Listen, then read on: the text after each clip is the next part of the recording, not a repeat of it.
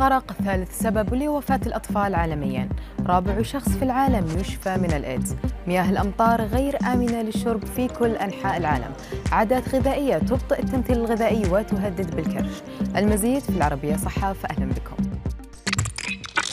كشفت وزارة الصحة السعودية أن الغرق ثالث أبرز سبب للوفاة لدى الأطفال من الحوادث الناجمة حول العالم.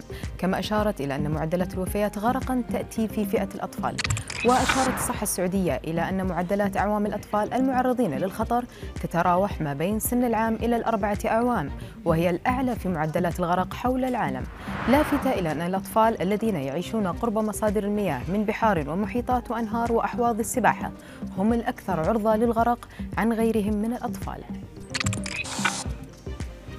أعلن الأطباء عن شفاء رابع شخص في العالم عمره 66 عاما من مرض نقص المناعة المكتسب.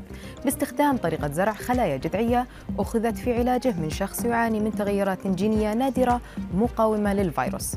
وكان هذا الرجل في حالة هادئة منذ 17 شهرا وهو أكبر مريض يشفى باستخدام هذه الطريقة التجريبية. وشخصت إصابته بالإيدز عام 1988 وقبل بضع سنوات شخصت إصابته بسرطان الدم. وتجدر الإشارة إلى أن أول مريض يشفى باستخدام هذه الطريقة كان رجلا أطلق عليه اسم مريض برلين. وبعد ذلك أعلن عن شفاء مريضين آخرين باستخدام هذه الطريقة في العلاج. توصل باحثون إلى أن مياه الأمطار غير آمنة للشرب في جميع أنحاء العالم بسبب احتوائها على ما تعرف باسم المواد الكيميائية الأبدية. وخلصت الدراسة التي أجرتها جامعتا ستوكهولم و ETH زيورخ إلى أنه من الصعب وجود جزء في العالم غير متأثر بالتلوث لافتة إلى أنه عثر على مواد كيميائية حتى في القارة القطبية الجنوبية وهضبة التبت.